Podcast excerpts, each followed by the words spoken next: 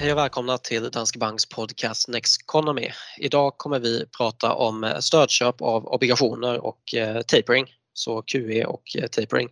Och sen rapportsäsongen, eh, två saker som har varit i fokus den senaste tiden kan man säga. Mm. Innan vi gör det så har vi en annan aktuell sak som då är veckans Aktuellt och det är inflation. Ja, och eh, inflationen den har ju varit högre än väntat ganska länge nu och vi har ju fått ett par stycken nya inflationssiffror sedan vi sände senast. Dels i USA men också i Sverige då och eh, gemensamt för de här två siffrorna, även om den amerikanska var mycket högre, det är ju att de, de var högre än förväntat. Och eh, det här får ju resultat för utvecklingen på räntemarknaden. Om vi fokuserar på USA så har marknaden börjat prisa in att Fed ska höja räntan tre gånger nästa år. Vi tycker kanske att det är lite aggressivt men vi tror också att man kommer höja räntan och eh, sannolikt två gånger då. Men det här inflationstrycket som vi ser det tror vi kommer hålla i sig lite till men börja lätta i början av 2022 då. Och man kan ju redan nu se att fraktraterna har kommit ner lite, energiprisrallyt har äntligen tagit en paus, toppat och gradvis så väntas ju obalanser och flaskhalsar rättas till då. Och eh, om man ska säga någonting om bakgrunden så är det framförallt hög efterfrågan från amerikanska konsumenter som gjort att det har blivit stopp i hamnar, det är brist på fartyg, alla möjliga typer av komponenter. Men den här boomen i efterfrågan kommer ju gradvis att avta och det finns två huvudsakliga skäl. Dels att ekonomin har öppnat upp och därför så väntas vi börja konsumera mer tjänster istället för varor igen. Och sen har amerikanerna haft ovanligt mycket pengar att spendera under den här krisen på grund av att hushållen har fått flera checkar att spendera. Arbetslösa har haft det bra tack vare extra stöd men så ser det inte ut längre. Utan nu är reallöneutvecklingen till och med negativ på grund av inflationen och tittar man på hur det såg ut i oktober då med, med löneutveckling och inflation så minskade reallönerna med 1,2 procent och det var sjunde månaden i rad som utvecklingen var negativ. Och det här mäts ju också av University of Michigan i konsumentförtroendet varje månad och då säger ju amerikanska konsumenter att de väntar sig att ha mindre pengar att röra sig med nästa år på grund av inflationen och de kände också av att det var mindre pengar över under oktober. Så att det här kommer ju också göra att man konsumera mindre. Det börjar bli svårare för företagen att skicka vidare kostnadsökningar till konsumenterna och det här kan ju också ge Fed lite hjälp på traven under nästa år kan jag tänka mig. Mm. Och eh, det här får ju då konsekvenser, alltså den ökade inflationen gör ju någonstans att man måste börja strama åt igen då. Och där har ju då Fed ganska nyligen annonserat att man ska börja med eh, tapering, alltså att man ska börja dra tillbaka stödköpen mm. av obligationer och eh, just stödköp av obligationer det är något som kallas för QE, quantitative easing och eller då kvantitativa lättnader. Och det man kan säga är att det här började ju med Japan 2001 Eh, Eh, då började de med just QE för att man ville få bukt med deras deflation och eh, sjunkande tillväxt. Men sen så gjorde ju då finanskrisen 2008 att eh, centralbanker runt om i världen, inte minst Fed, då eh, sänkte räntan så pass mycket att man inte längre kunde utnyttja det som verktyg för att stimulera ekonomin. Och därför började man ju då använda med inspiration från Japan, alltså just QE, där man alltså stödköper obligationer och det gör ju dels då att man sänker de långa räntorna vilket gör att det blir billigare att få finansiering och också ja, man får ju in mer pengar i systemet. Och det här eh, just att man sänker långräntorna det främjar utlåning och tanken är ju då att det ska stimulera ekonomin. Och sen är också en annan tanke med det, det är att det ger en förmögenhetseffekt. För man, när man då trycker ner avkastningen på eh, säkra tillgångsslag så kommer de där pengarna in i mer riskfyllda tillgångsslag som då aktier och Eh, fastigheter till exempel. Så de som då sitter med aktier och fastigheter kommer känna sig mer förmögna vilket kommer göra att de konsumerar mera och på det sättet kan man också då få fart på aktiviteten i ekonomin och också då få upp inflationen är tanken även om det kanske inte har har hänt i praktiken, i alla fall inte fram till nu då, men det finns ju andra anledningar till att inflationen har stigit också. Mm. Eh, men det var lite av en så bakgrundshistorik kring eh, QE och eh, vad det innebär. Men något som man börjar med nu då är ju alltså tapering, att man drar tillbaka stödköpen. Sen har vi ännu ett ord då, det är ju quantitative tightening, mm. alltså att man börjar då sälja av de här obligationerna som man har köpt. Ja, och man kan väl bara addera en sak till på Eh, Eh, QE-programmen förutom att man vill trycka ner eh, långa räntor eh, och sådär. Och det är ju så likviditeten i marknaden. Att man vill se till att kapitalmarknaderna fortsätter att fungera under en kris. Och det såg vi under en kort tid under finanskrisen när marknaderna helt frös till is när Lehman Brothers gick omkull. För det fick ju till effekt att ingen visste vad någon annan satt med i sina böcker och vem som skulle smälla näst vilket gör att bankerna vill inte låna ut pengar till varandra och så fryser hela systemet till is. Så att det fyller också en funktion då att pumpa in likviditet i systemet. Och det var ju samma sak nu när osäkerheten var så extremt hög under förra våren. Ingen konsumerade någonting, företagen drog i handbromsen, allt tog tvärstopp. Och det gick inte att eh, omsätta obligationer av alla möjliga slag, högriskobligationer framför allt men också investment grade. Och det gör ju att företagen inte kan finansiera sig. Precis. Och det är faktiskt en av fördelarna med just eh, QE då, alltså att det går snabbt också, man får snabbt in likviditet. Och om man då jämför det med att eh, jobba med räntan eh, som ett sätt att stimulera ekonomin så tar det längre för de pengarna att komma ut i ekonomin. Eh, så det är en sån fördel. Och eh, sen så kan man ju också säga att man skulle kunna argumentera då för att om man inte hade kommit in med QE efter finanskrisen så hade arbetslösheten kunnat öka mycket mer i samband med den krisen också. Så mm det är ett sätt att då också få ner arbetslösheten. Men, men det du var inne på där, det är ju en krisåtgärd har det ju varit från eh, början eh, både finanskrisen och nu då covid. Och det fungerar ju bra som en krisåtgärd just att man snabbt får in likviditet men sen är ju då frågan om det är så att man ska fortsätta med det under så lång tid som man har gjort, särskilt kanske då i USA med tanke på, de körde ju QE1 till att börja med och sen hade de då QE2 och sen även QE3 mm. eh, vid olika tidsperioder fram till 2014 där. Ja.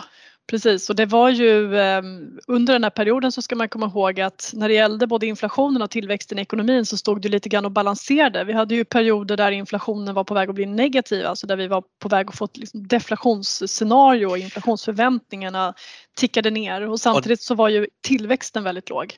Och det vill man ju inte få för det är det här Japan-scenariot. Det är ju det ja. man hela tiden har, man, man har ju velat hålla sig ifrån det där. Mm, så att man har ju helt enkelt också försökt då få upp inflationsförväntningar, Eh, öka förväntningarna på tillväxten längre fram och ehm, när det, det har man ju då gjort i, i flera olika vågor och nu under coronakrisen så fanns det ju en liknande målbild eller vad man ska säga. Dels så handlar det om att se till att det kommer in likviditet på marknaden men förstås också att göra att företag och konsumenter ska vara medvetna om att det finns en framtid efter det här.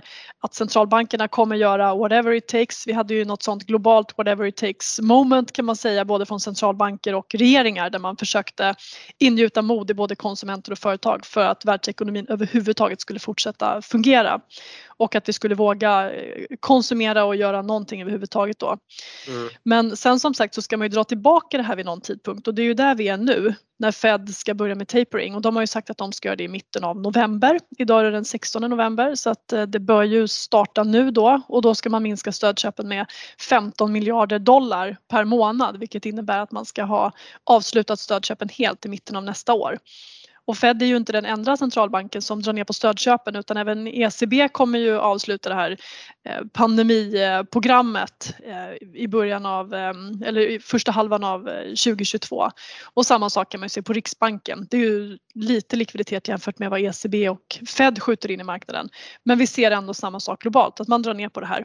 Mm. Och det gör man ju därför att man dels har det här förhöjda inflationsläget men också därför att man bedömer att ekonomin tål det. Men vi har ju också orosmoln som att smittspridningen fortsätter, eh, att vi ser att konsumentsentiment har vikt ner, arbetslösheten är fortfarande förhöjd i stora delar av världen och i USA så har arbetsmarknaden inte återhämtat sig så som förväntat.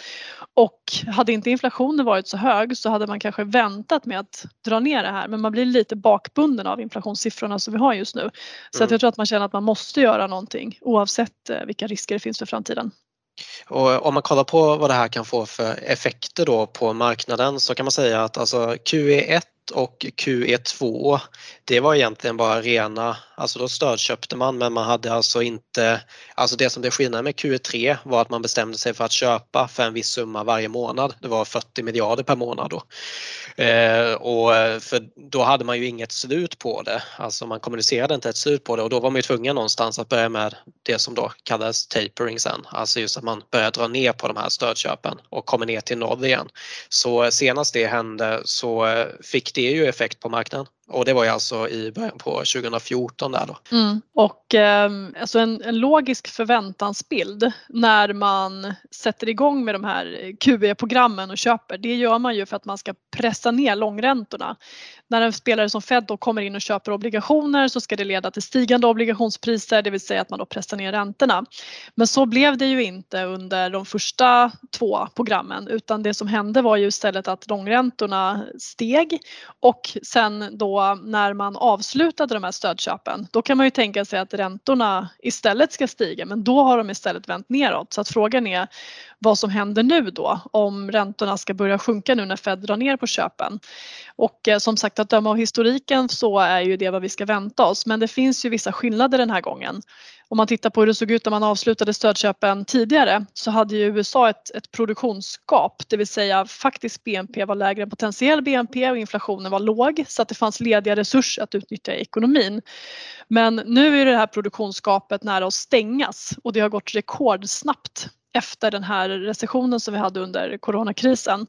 Så att amerikanska konsumenter de sitter fortfarande på stora buffertar och spendera, inflationen är hög, stimulanserna är kraftiga, vi har fortfarande nollränta, nya finanspolitiska satsningar. Så att kanske blir det ändå annorlunda den här gången och räntorna fortsätter stiga. Våra prognoser är att långräntorna fortsätter uppåt på 12 månaders sikt upp mot 2 i USA men att det kommer gå ganska sakta. Och sen så väntar vi oss ju också förstås att det kommer vara perioder precis som vi haft under det här året med både stigande räntor och i perioder kan det gå ganska fort och sen så kan man få se räntorna ticka neråt lite. Men riktningen på 12 månader är ändå uppåt. Sen är det förstås beroende på hur makrodata förväntningar utvecklas och sådär. Mm. Eh, men så ser i alla fall förväntansbilden ut då. Bara en sak där just när, med räntemarknaden, det är faktiskt en av de här nackdelarna som man brukar prata om. Just att räntorna blir något mer instabila. Det blir alltså mer tvära kast på räntemarknaden. Mm. Eh, vilket ju bidrar till någon typ av instabilitet eh, på bland investerare och sådär.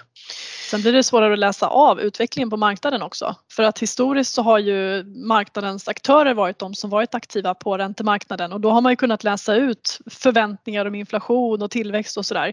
Men de här enorma stödköpen gör ju också att det där blir ju lite förvrängt eller påverkat. Det är centralbankerna som styr det mer nu än vad, alltså, vad marknaden gör vilket ja. kanske blir lite skevt då. Mm, exakt. Bra, jag tänker att vi ska gå vidare från eh, tapering eh, och eh, veckans fråga. Tack för den. Skicka gärna in nya frågor, vi tar upp dem i varje avsnitt. Mm. Och så går vi vidare till rapportsäsongen och om man ska sammanfatta den kort så kan man säga att den var stark återigen. Den var stark återigen och vi kan väl fokusera på USA och Europa tänker jag så att vi blickar ut lite grann i världen för det får ju ändå effekter på de globala börserna och även på Stockholmsbörsen då. Och tittar man på USA så är ju rapportsäsongen i princip i mål. Amerikanska bolag kör ju alltid igång först. Och man kan se att amerikanska bolag har nämnt ordet inflation väldigt frekvent. Samtidigt så har de varit duktiga på att skicka kostnadsökningar vidare till kunderna. Som sagt, frågan är hur länge man kan fortsätta göra det om reallönerna minskar och konsumenterna kanske inte blir lika villiga att köpa varor när priserna stiger hela tiden. Men vi har ju sagt tidigare då att inf lite inflation i grund och botten är ju faktiskt bra för börsen för att det lyfter intäkter och det lyfter vinster så länge inte Fed måste agera kraftigt för att stävja det där då.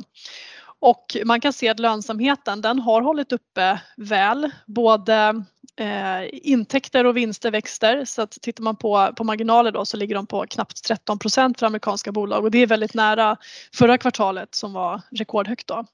En sak bara där med vinsterna också. Alltså vi har ju haft en väldigt stark vinsttillväxt under året. För det är ganska enkelt att tänka sig att när börsen har gått så starkt att det framförallt är värderingarna som har kommit upp, alltså att det är en multipel expansion. Men värderingarna har ju faktiskt kommit ner något just för mm. att vinsttillväxten under året har varit så pass stark.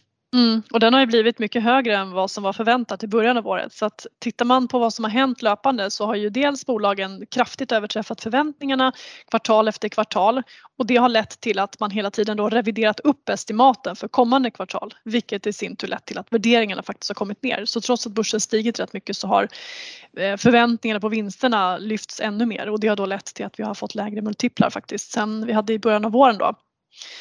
Men eh, det, det, har överlag varit starkt och eh, vinsttillväxten är betydligt bättre än förväntat men den är inte lika lysande som den varit under de föregående kvartalen. Och det som också är en skillnad är att det faktiskt inte har resulterat i att man har reviderat upp vinstestimaten för Q4 så som man har gjort i samband med tidigare rapportsäsonger. Så att det har inte riktigt bidragit till de här fortsatta lyften. Och tittar man på reaktionerna för amerikanska bolag så fem dagar då, fem handelsdagar efter att man släppt en rapport så har bolag som slagit förväntningarna på både vinster och försäljning bara stigit 0,1% mer än börsen. Så det är en ganska liten belöning för en fin rapport.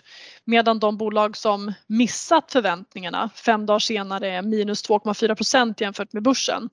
Och eh, ibland så pratar man om att amerikanska aktier är så pass dyra att de är lite priced for perfection och det kan man väl säga här då. Så slår man förväntningar på vinster och försäljning så får man i princip ingen belöning för det utan det är bara vad som förväntas. Men missar man så blir utvecklingen ganska svag.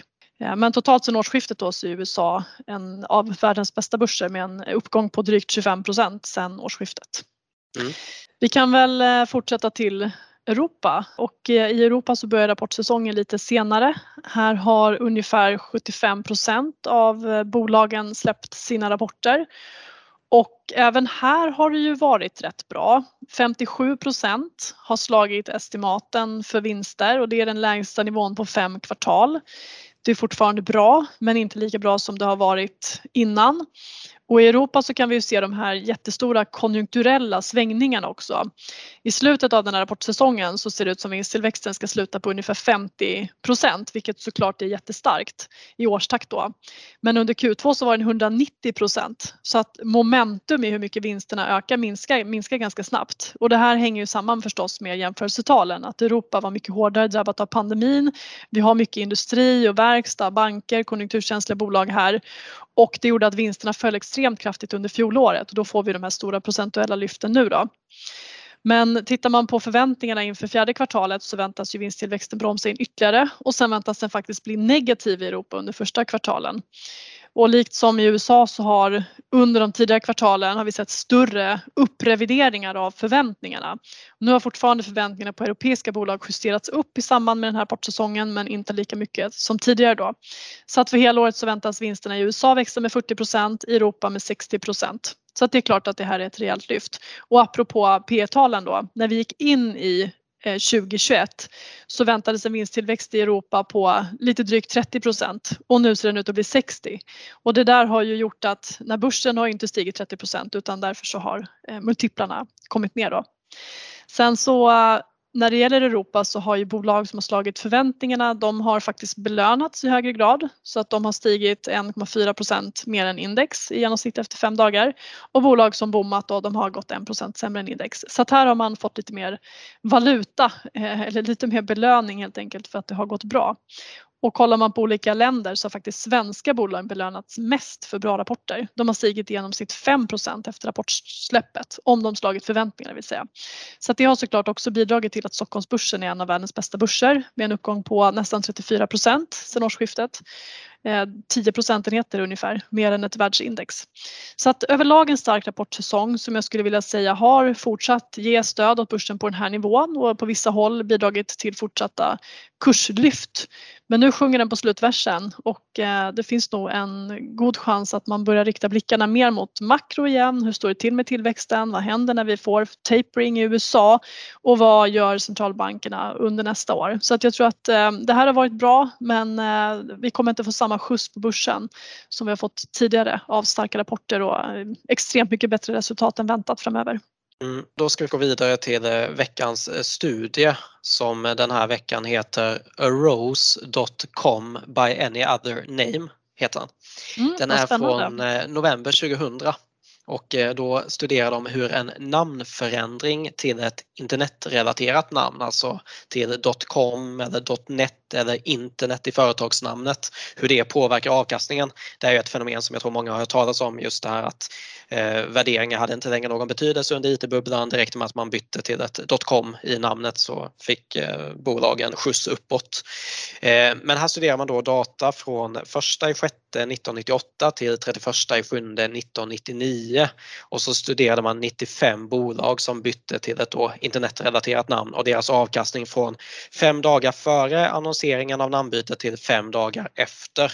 Och de hade som genomsnitt en överavkastning på 74% de här bolagen, eh, de här 95 då. Och, eh, mm så här i backspegeln så låter det ju ganska vansinnigt. Men eh, det var ju så att man trodde att allting som hade med internet att göra var framtiden och eh, det fanns bara en väg och det var uppåt.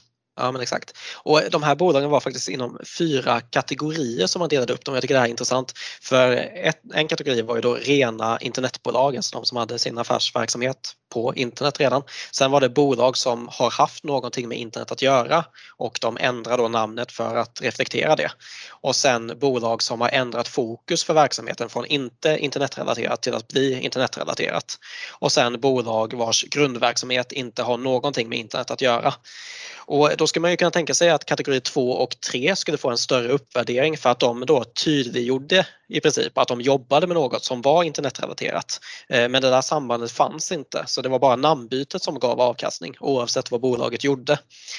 Och eh, det här är någonting som Burton Malkiel skriver om också, alltså att bubblor brukar komma med ny teknik. Vi hade samma fenomen under elektronikboomen på 60-talet i USA då vill man ha Tronics i namnet och det mm. gav samma fenomen.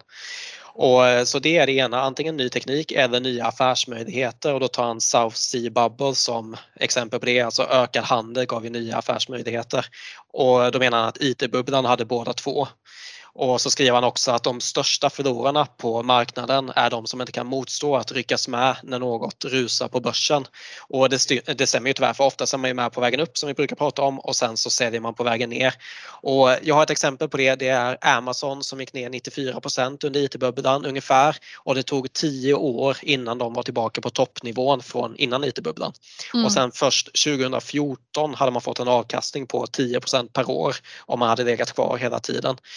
Men de flesta fick ju aldrig en avkastning. sålde ju. Mm, Exakt, man, man rycktes med när det var hett och sen så sålde man med förlust på vägen ner.